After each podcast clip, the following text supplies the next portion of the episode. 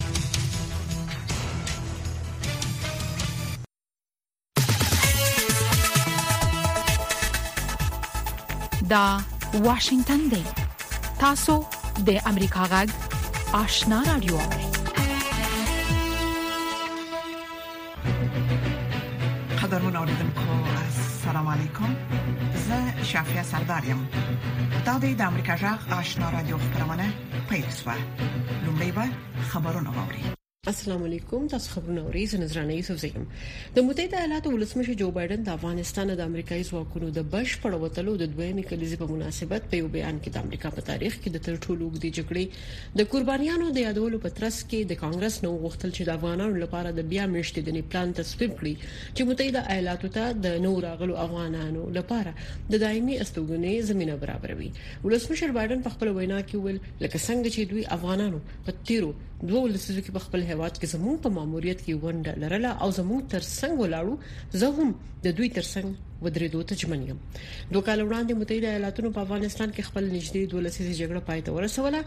او روسي امریکایي سرتیري له شاوخوا شل کلن پوځي حضور وروسته د 2021 کال د اگست په 13مه د افغانستان نه ووتل طالبانو حکومت د قانونو او پېټرولیم وزارت د برتانیا، چین، ترکیه او ایران او د افغان پنګوالو شرکتونو سره د سرو زرو اوسپنې سرب او د مسو د قانونو د سپړولو و قراردادونه لاسلیک کړل د دغه قراردادونو د لاسلیک په مناسبت جوړې شوې غونډه کې د طالبانو د حکومت د ریاست الوزرا د اقتصادي مرستيال مولا عبدالغنی برادر په ګډون دغه حکومت زیات شمیر چارواکو او د قراردادونو د ګټونکو شرکتونو استادو برخه اخیستي و د طالبانو د حکومت د قانونو او پېټرولیم وزارت سرپرست مولوی شهاب الدین دلاور د غونډې ته ویل چې د قانونو په سکتور کې فساد لمنځه تللی او ګټونکو شرکتونو ته په بشپړ ډول د یو شفافي پروسې د مخکې دا و کارونه په اجازه ورکړول شوې دي د پاکستان د موقتی حکومت د بهرنیو چارو وزیر جلیل عباس وایي چې د طالبانو حکومت په پاکستان کې د ترګرۍ په پیښو کې خکیل ځینې کسان نیولي او د هغوی د نیولو په اړه په پاکستان ته اطلاع هم ورکړې ده د پاکستان ډان ورسپانې د پنځشنبه په ورځ په خپل انلاین بڼه کې لیکلي چې جلیل عباس دا څرګندونې د چهارشنبې په ورځ د بهرنیو چارو په وزارت کې خبريالانو سره د لیدنې په مهال په غیر رسمي خبرو کې کړې دي د ډان ورځپاڼې په رپورت کې په دې اړه د خاغلی عباس له خولې نور جزئیات نه دی پډاګ کړی شوی په افغانستان کې د بیکاری د کچې د لوړېدو سره د طالبانو د حکومت چارواکي وایي 330 زره کسانو ته فني او حرفوي زده کړې ورکړې دي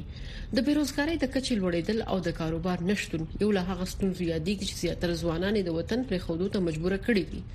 د کارګر نړیوالې ادارې آی ایل او د تازه رپورت لمخې د تیر کال په پرتله 15 سلنه میرمنو او وسلنه نارینه افغانانو خپل دندې له لاسه ورکړې دي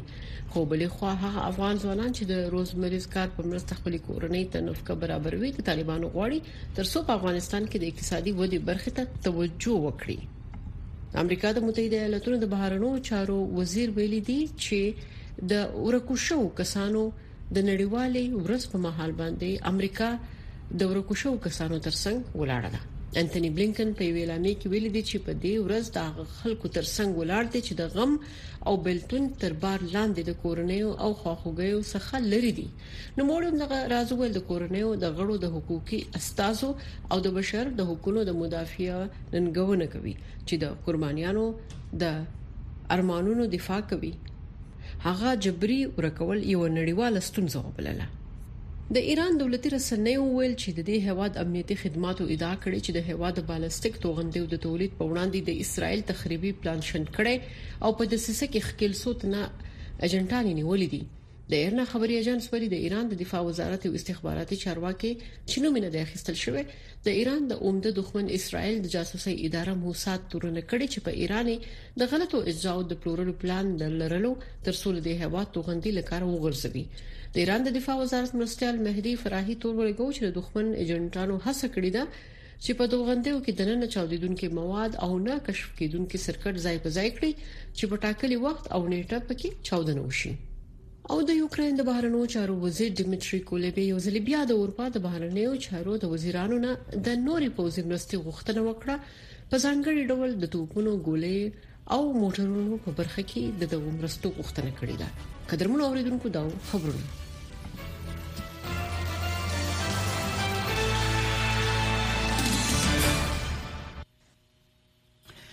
خبرونه مو د امریکا جغ آشنا رادیو څخه واوریدل قدرمن اوریدونکو زموږ په دې خبرونه کې د افغانستان سیمه او نړۍ د اوسنوي حالاتو په اړه کې مهم مطالب لرو هله د خبرونه تر پای واوري لومړی به دا رپورټ واورئ چې د طالبانو د حکومت د کانونو او پترولیم وزارت د پنځشنبه په ورځ د برتانیې، چین، ترکیې او ایران او د افغان پنګوالو شرکتونو سره د سرو زرو، اوسپنې، سرب او د مسو د کانونو د سپړلو و قراردادونه لاسلیک کړل. د کانونو او پترولیم سرپرست وزیر د قراردادونو د لاسلیک غونډې ته وویل چې د کانونو د قراردادونو د سپارلو په بهیر کې پوره شفافیت څخه کار اخیستل شوی دی د اقتصادي چارو ځینې کارپوهان فکر کوي، نور تفصیل زموږ د خبریال اکرام شینواري په رپورټ کې واورئ. د طالبانو د حکومت د کانونو او پټرولیم وزارت د پنجشنبې په ورځ د برتانیې، چین، ترکیې او ایران او د افغان پانګوالو شرکتونو سره د سرو زرو، اوسپنې، سرب او د مسو د کانونو د سپړلو او قراردادونه لاسلیک کړل کابل کې د حکومت د رسنیو په دفتر کې د دغو قراردادونو د لاسلیک په مناسبت جوړ شوی غونډه کې د طالبانو د حکومت د ریاست الوزرا د اقتصادي مرستیال ملا عبدالغنی برادر په ګډون د دغه حکومت زیات شمېر چارواکو او د قراردادونو د ګټونکو شرکتونو استادو برخه اخیستې و د طالبانو د حکومت د کانونو او پټرولیم وزارت سرپرست مولوی شهاب الدین دلاور دې غونډې ته ویل چې د کانونو په سکتور کې فساد لمنځه تللی او ګټونکو شرکتونو ته په بشپړ ډول د یو شفافې پروسې لمخې د هغو کانونه په اجاره ورکړل شوي دي. تېر ادارې قانون له موږ سره پروت ده، تېر اداره چې ځان ته متخصص اداره وايي چې هغو سره مشاورین خارجي او ټول وو، کوم معدن سه پروسس سل په سلو کې دلته کوي دوه نیم فیصده به وای حکومت یې اخلي موږ د دوه نیم فیصده په ځای شل فیصده کړی د دوه نیم فیصده په ځای هم اوسپنه کې دیارلس فیصده کړی د دوه نیم فیصده په ځای هم د طلا کې شپږ پنځوس فیصده کړی الحمدلله که نیم پروسس څوک افغانستان کې کوي د تېرې ادارې قانون تاسې وګورئ معدن موږ سره پروت هلته عمل نه پرې کوو د تېرې ادارې په قانون کې لیکلي که نیم پروسس کوي نو پنځه فیصده به افغانستان ته ورکوي او پنځه نوي فیصده به د دوی وي که خام مال وړي اووه فیصده به افغانستان ته ورکوي درې نوي به د دوی وي دا کانونه د هرات ولایت د غور او لوګر په ولایتونو کې موقعیت لري چې د پنځه کلونو څخه تر دېرش کلونو پورې ګټونکو شرکتونو ته په اجاره ورکړل شوي دي په 2020 کال کې د اګست په میاشت کې په افغانستان کې واک ته طالبانو د بیا رسیدو وروسته دا لومړی ځل دی چې د طالبانو حکومت د شپږنیم میلیارډ ډالرو څخه په زیاتو پیسو د بهرنۍ او افغان شرکتونو سره د کالونو د سپړلو تړونونه لاسلیک کړي د طالبانو حکومت د دې وړاندې یو چینایي شرکت سره د امو د سیندیزي حوزې د تیلو د ایستلو تړون لاسلیک کړو د اقتصادي چارواکو کارپو روح الله احمد وی چې ځینې هیوادونه د افغانستان وضعیت څخه ناسمه ګټه پورته کوي یو موضوع ډیره مهمه ده له حقوقي اړخ نه چې د دغه شان قراردادونو لاسلیک کول له هغو اقتدارونو او هغو حاکمیتونو سره چې د خلکو لخوا نه مشروعیت ونه لري د افغانستان د خلکو او نړۍ ورته مشروعیت نه ورکړي زه فکر کوم دا به یو لوی تېروتنه یې د دغو هېوادونو چې په داسې شرایطو کې له موقعیت نه په ګټې پورته کولو څخه دوی وغواړي پانګونه وکړي او د افغانستان طبیعي زیرمې او هغه سرچینې چې د خلکو مالکیت ده او په حقیقت کې د خلکو د عام د عامه ګټې لپاره د خلکو لپاره باید دا حساب ورکونه ولري د دغه سي پروژو په برخه کې د سیمې د هیوادونو پنګونه او لموقعیت څخه بیا هم سو استفاده چې دوی زر ترې ګټه پورته کړي دا په آینده کې به له دوی سره حساب او کتاب خامخا کیږي افغانستان د نړۍ په هغو هیوادو کې شامل دی چې د ځمکې لاندې زیات منرالونه لري د امریکا د جیولوژي ادارې د څو کاله د مخه یوې سروې کې ویل شوی چې دا هیواد د 2 تریلیون ډالر څخه زیات طبي منابع لري په تېرو اوږدو کلونو کې د بېلابېلو دلایلو له مخې د افغانستان د طبیعي زېرمو څخه هېڅ ګټه نه ده پورته شوې. په دغه هېواد کې اوږدو جګړو له امله د کالونو د اېستلو لپاره د اړتیا وړ زېربناوې هم نه دي چمتو شوي او دا د کالونو د سپړلو او خامو موادو د لېږد او یا هم دننه په هېواد کې د کالي موادو پروسس په وړاندې د یو ستر ګواښ په توګه یادېږي. انتظار پای ته ورسید. ترنو لیدونکو او اوریدونکو تاسو کولی شئ د امریکا غږ ټلویزیونی او رادیوي خبرونه د یاشر ساتلایت له طریقو وګورئ او واورئ د نوي ساتلایت لارې تاسو د آشنا اتصال او کاروان ټلویزیونی خبرونه کتلای هم شئ د امریکا غږ د افغانستان څنګه خبرونه په 309 پټ چنل او د آشنا رادیوي خبرونه په 309 پټ چنل کې اوریدلای شئ لملتيامو د تل پشان مننه درنوریدونکو په نړۍ کې د ادیانو د ازادۍ په چارو کې د متحده ایالاتونو کمیسون په خپل تازه راپور کې ویلي دي چې په افغانستان کې د واکمنو طالبانو تر 50 فصلو کې زیات فرمانونه پر شوزو د محدودیتونو په اړه دي د حقوقي چارو شنونکو وایي چې صادر شوی ټول فرمانونه د اسلامي او نړیوالو قوانینو سره په ټکر کې دي نور حال په دې راپور کې ووري د ادیانو د ازادۍ په چارو کې د متحده ایالاتو کمیسون پر راپور کې ویل شوی چې طالبانو د 2023م کال د اگست په میاشت کې واک ته لرسیدو وروسته شاوخوا اتیا فتواوي او فرمانونه صادر کړي دي په راپور کې راغلي د طالبانو فرمانونو اکثریت افغان خزې او انجونې په نخښه کړي او د تعلیم کار او آزاد تګ راتګ باندې د بندیزونو ترڅنګ په هغوی کلک محدودیتونه لګولي او د هغوی دا ظرفیت ځپلی چې د خپل مذهبي تعبیر په اساس ژوند وکړي یو شمېر مېرمنې وایي چې دې فرمانونو د مېرمنو ژوند تریخ کړی دی و ای باعث شده که زنان زیادی در افغانستان به مشکلات روحی روانی دچار شوند و واقعا وضعیت نگران کننده هست از طرفی هم فقر اقتصادی بیداد میکنه و مردم مجبور به فروش گرده هایشان شدند مجبور به فروش اطفالشان شدند طالبانو له شپږم ټولګي پورته د نجونو ښوونځي تړلي پوهنتونونه بند کړي پر کار سیاسي او د مرمنو پر ټولنیز او اقتصادي مشارکت باندې بندیزونه لګولې دي دوی چې کوم فرمانونه صادر کړي دي نه د بین المللي قوانینو سره مطابقت کوي نه د افغانستان د مدني قانون سره مطابقت لري او نه د الهي قانون سره مطابقت لري یعنی د قران سره هم مطابقت نه لري لپاره دي چې د کې د کوم فرامین چې دوی صادر کړي دي فرضاً د تعلیم په حصہ کې چې تعلیم محدود کړي دا د قران خلاف دي دا د سنت خلاف دي ځکه سنت کې تاسو وایي چې تعلیم چې دی په خزو په نر باندې فرض دی او دا د فرض ممانعت کوي په لحاظ د خلاف د قانون دي یو شمیر دینی عالمان وایي په اسلام کې خزه او نارینه یو شان حق لري اسلامي شریعت له رویه د خزه او نارینه او ترمنځ په حقوق امتیازاتو کې توپیر نشته هر هغه حق چې نارینه لري هغه حق ښځو تم حاصل دي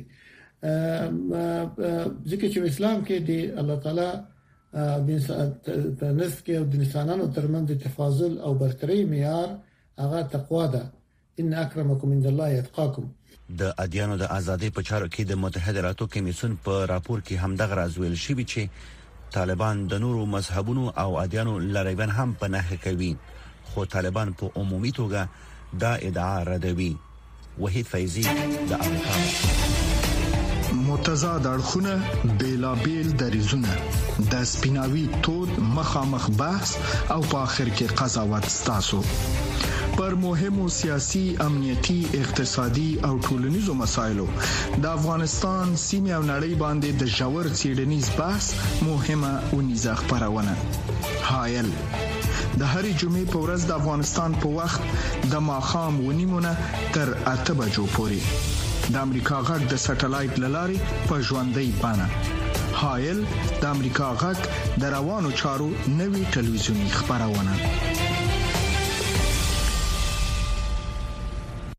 د برتانیې یو معتبر ورځپاڼه ګارډین په یو راپور کې وایي چې په افغانستان کې په شوځ کې ځان وژنه ډیره شوې ده ملګری ملتونه او د بشري حقوقو فعالان یې لامل پر شوزو د طالبانو زیاتیدونکو بندیزونه غني نور حال د شهناز نفیس پر رپورت کې ووري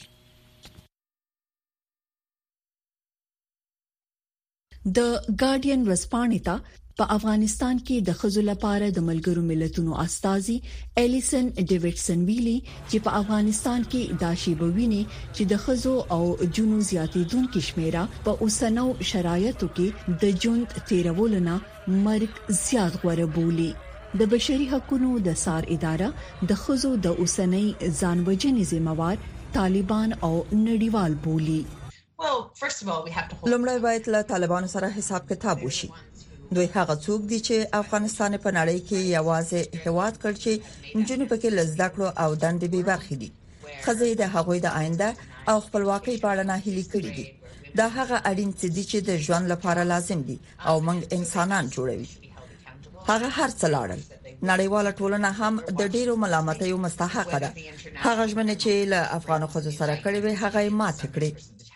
د ورسپانې ریپورت وایي چې د افغانستان په 11 ولایتونو کې ټول شوی معلومات ښيي چې یوازې په نیمروز ولایت کې په سړو کې د ځان وژنې کچه زیاته ده او په پاتې لسو ولایتونو کې د ځان وژنې کچه په ښځو کې زیاته ده.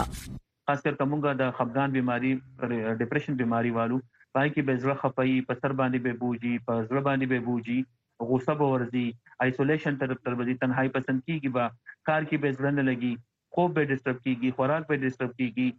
داسې د مایوسۍ، ناامیدۍ سوچونه به ورځي چې کله دا ټول شیزونه کور شو هغې نه پس چې دی هغې ته به خودکشۍ خیالات ورځي، هر ټایم به سوچ کوي چې زه چې دی هغه د خپل ژوند خاتمه وکړم. د طالبانو د بیا راتګ نه دوه میاشتې وړاندې چې کله په هیواد کې ګیر چاپیره بدامني زیاته شوه نو هغه وخت د رواني ناروغو په اړه یوې معتبرې مجلې، بي ایم سي سایکیټري ویلي وو چې د افغانستان نیمایي نفوس د رواني ناروغي سره مخ دی د طالبانو تر واک لاندې افغانستان کې د افغان خزو د ژوند شرایط هومره سخت شوی چې مرګ غواړي خو د طالب تر واکمنۍ لاندې افغانستان کې ژوند ته غاړه نه ایږدي د مهاجرت په قضیو کې له افغان خزو سره توپیری چلند هم په ګاونډي هیواد پاکستان کې له افغان خزو سره ناوړه برخورد او بیکاری هغه نور لاملونه دي چې افغان مهاجر انجونی ځان وژنې ته اړ باسي په افغانستان کې د روغتونونو چارواکي او طبي مامورین اجازه نه لري چې د خزو د ځان وژنې د پیښو حال چاته ووایي او نه طالبانو په دغه اړه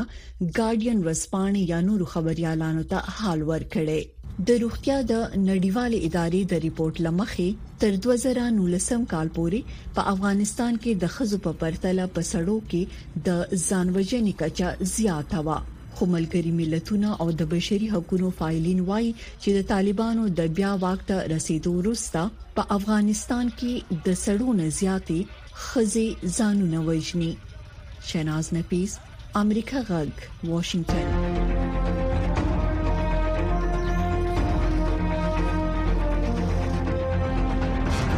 اتصال زموږ او ساسي پیوستون خبرونه چیرنی او خبرګونونه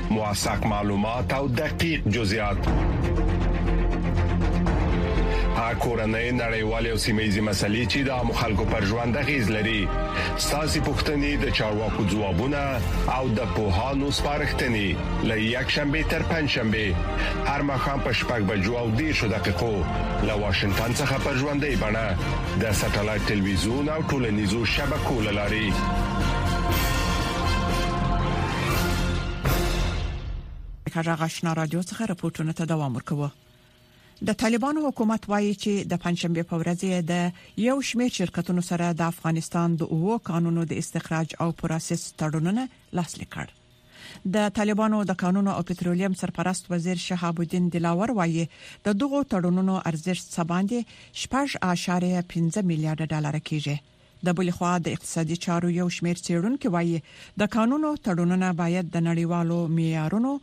پر بنسټ وشي. نور حال په رپورټ کې. د طالبانو حکومت د پنجشنبې په ورځ په کابل کې له یو شمېر شرکتونو سره د افغانستان د اوو کانونو د تړونونو د لاسلیک کېدو خبر ورکړ چې په ځینو کې به یې په ګډه توګه د افغان او بهرنیو شرکتونو لخوا پانګونه کېږي. د طالبانو د کانونو او پټرولیم سرپرست وزیر شهاب الدین دلاور په یو خبري کانفرنس کې وویل د دغو تړونونو لمخې د کانونو د استخراج موده له 15 تر 10 کلونو پورې ده شپږ میلیارډ 1550 میلیونه ډالر به دوی صرف سرمایه گذاري کوي په دغو کانونو کې د تخار ولایت د چاب د سرو زرو کان، د لوګر مسینک دویم کان، په غور کې د سرب او جستو کان او په هرات کې د غوریان د وسپنې لومړی، دویم او دریم بلاکونه شامل دي چې په ځینو کې به د افغان او چینایي، ایراني، ترکیه او بریټانوي شرکتونو لخوا مشترکه پانګونه کیږي. دا په داسې حال کې ده چې په اکثریت دغو تړونونو کې د حکومت ونډه 14 سلنه ښودل شوې د اقتصادي چارو یو شمېر شنونکي وایي د قانونو تړونونه ډېر دقت او مسلکي چلند ته اړتیا لري باید قراردادونه ډېر معیاري او ډېر سنجول شوي وي چې په هغه کې د افغانستان ګټه خوندي اوسي البته مانا یې دا نه دي چې دا ټول ګټې موږ ته ورسیږي. دا عادلانه څه چې بینالمللي نورمونه اجازه ورکوي هغه څه باید وشي او دا ډیر دقت ته ضرورت لري او په بیړه دا پلساو قراردادونه ورکول خدای وکړي چې په هغه کې د وخت کمښت په بنسټ نیمګړتیاوې زیاتې نه وي این شفافیت در استخراج معادل با توجه به قراردادهایی که در در رابطه با شرکت داخلی و خارجی انجام میشه نیازمند یک تفکر همه جانبه که جامع منفعه برای تمام شهروندان افغانستان باشه میتونه موثریت بیشتر در واگذاری و ایجاد یک نوع زمینی مناسب برای سرمایه‌گذاری های داخلی بیشتر توسط تاجران خارجی به داخلی در داخل افغانستان باشد. د طالبانو حکومت تر دې وړاندې یو چینایي شرکت سره د آمو سیند د حوزې د تیلو د استخراج تړون لاسلیک کړی وو. افغانستان د نړۍ په هغو هیوادونو کې شامل دی چې د نادرو او ستراتیژیکو منرالونو، قیمتي کانو، طبیعي ګازو، پترولیم او نورو سون توکو کانونه لري. د ځینو سرچینو په خبره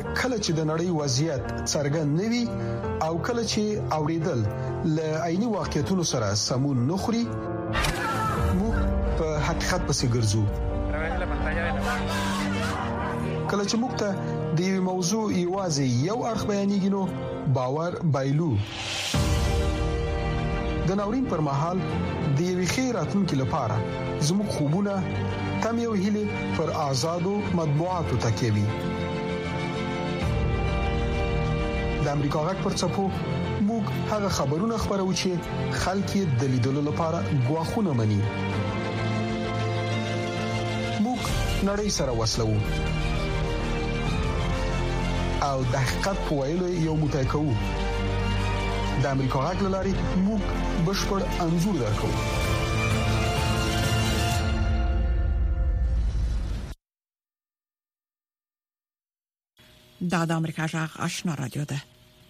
هاکیولی چې یوې دودیزې سمندري کشتۍ ته ویل کیږي د اقلیم د بدلون په اړه د پوهاوی د خبرولو لپاره د آرام سمندر شاوخوا څلور کلن سفر کوي د متحده ایالاتو په واشنگټن ایالت کې د دمې پر مهال ځایي خلکو د دغه کشتۍ سپرو ته شراغ لاست وایي نور تفصيل پر راپور د شپېلې د غږ په واشنگټن ایالت کې د سیاټل ساحل ته د دغه کشتۍ هاکولې دراتګ اعلان وکړ د کشتۍ د عملي غړي د دوه اصلي امریکایي قبيلو مکل شوټ او سوکوامش د بلنې لکبل دلته د میدو تراغلي د اوټریګر کینو ډله په سیاټل کې د هوایانو د لوی نفوس استازیتوب کوي د هاکولي پنځلسم او تر ټولو اوږد سفر موانایوکیه نومېږي دغه د آرام سمندر لپاره د هوایي نوم دی دلیل چې موږ دا سفر کوو کوم چې د آرام سمندر څلور کلن سفر دی زموږ د سمندرونو پاملرنې او زموږ د ځمکو د پاملرنې اهمیت په اړه د پوهاوی لوړول دي د هوکولې په هدف د ارام سمندر د شمال لویدیځ قبایلي غړي پوهیږي. تاسو باید خپلو خبرو کولو ته دوام ورکړئ او موږ به یې ویلو ته دوام ورکړو. د دې کښتۍ چلوونکي او ملاتړي ټول د دې پیغام خپرولو ته ژمن دي، هغه څه چې خدای موږ ته راکړي چې د هغې حفاظت وکړو. د هاکولۍ عمله په یو وخت کې د لسو نه واخله تر دولسو پورې رضاکاران لري دغه به ټول ټال څلور سوه برخه اخیستونکي ولري. تاسو په سمندر کې یاست، تاسو تل د مختلفو عناصرو سره مخ یاست او دا اوږده سفرونه دي، خو زه فکر کوم چې د کښتۍ د عملې سره تاسو یوازې د دې ننګونو سره مخ نه یاست، ستاسو عمله یو ډول کورنۍ شي. د هاوای ټاپو په باوی کې په ځنګلونو کې د ویجاړونکو اور لګیدنې خبر دوی ته هغه مهال ورسېدو چې دوی په کاناډا کې وو ننګونه دا ده چې له کور نه لرې اوسېدل ډېر ګران دي په خاصه توګه چې کور موږ ته ډېر ضرورت لري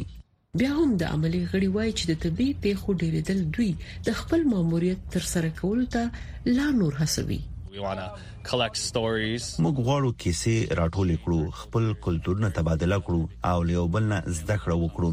ځکه چې کله چې د اقلیم بدلون او د طوفانونو د زیاتوالي خبره وي، دا به هغه ځايي خلک وي چې خپلو ځمکو پرېښودو ته به اړ شي، موږ به د ټولو نه مخکې اغېزمن شو. په دې سفر کې د خپلې برخې د بشپړولو وروسته اپو به بیرته د اریزونا په پوهنتون کې خپل ماسټرۍ سند لپاره زده کړې ته لاړ شي هغه وایي چې د نورو عملي د غړو سره به د پوهاوي د خبرولو لپاره خپل هڅو ته دوام ورکړي نظرانه یوسفزۍ امریکا غک واشنگټن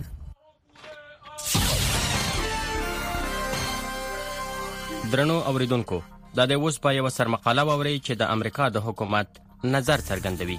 د آذربایجان او ارمنیا حکومتونو د 2020 کال د نومبر په میاشت کې د اوربند په اړه کې موافقه لاسلیک کړه چې د ناګور نقره باغ د سیمې په سر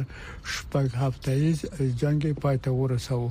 د اوربند نه وروسته د روسیې د عسکرو سوله ساتي قوه د لاچین په دهلیز کې ځای په ځای شوله. یوازنی سرک دی چې ناګورنا قرهباغ ته رسیږي. لیکن تیر کال د اذربایجان نه حکومت د لاچین دهلیز په بندولو پیل وکړ. له ارمنیا سره یې د اوربند له موافقې نه سرغړونه وکړله. د بین المللي سره صلیب د کمیټې په قول د لاچین دهلیز له لارې د یو شمیر هفتو لپاره ټوله بشري مرسته ودرول شوله. د دغه اقدام سر په ناګورنا قراباغ کې د لسګونو زرو تنو لپاره بشري ستونزې ته ووته چې مجبور کړای شولو چې د کمو تدارکاتو په باره کې ژوند وکړي. په ملګرو ملتونو کې د امریکا استازې لینډا تاماس ګرینفیلډ وویلې، موږ د اذربایجان له حکومت نه غواړو چې د دغه دهلیز له لارې تحرک بیا په کار واچوي، نو تجارت، بشري او خصوصي موټرې به د ناګور ناقرابه خلکو ته ورسېږي. خو زموږ په ژوره توګه د لاچین دهلیز په بندولو سره نارامه شویو، چې ضروري شیانو ته یې لاسرسی بند کړی دی او بشري وضع یې زیاته کړې ده، خوړو، درملو، د ماشومانو فارمول او انرژۍ ته لاسرسی باید هیڅکله برمته نه شي. سفیرې تامس ګرینفیلډ وویل، مازې د لاچین دهلیز د بندولو پای ته رسول کافي نه دي چې د ناګورنه قربان خلک وژغوري. زه غواړم د شاملو خواوو لپاره په ضرورت ټینګار وکړم چې داسې خبرو ته دوام ورکړي چې هدف یې جنجال ته دوامداره سوله ییز نه حل وي. او د آرمانیا او آذربایجان ترمنځ روابطو عادي کول وي او اجازه راکړئ چې په دې باب څرګندونې وکړم، سوله په سیمه کې باید ناګورنا قرهباغ کې د کسانو حقوق او امنیت شامل وي. سفیرې تاماس ګرین فیلډ وویل، موږ د هر هغې بڼې ملاتړ کوو چې آرمانیا او آذربایجان ته اجازه ورکړي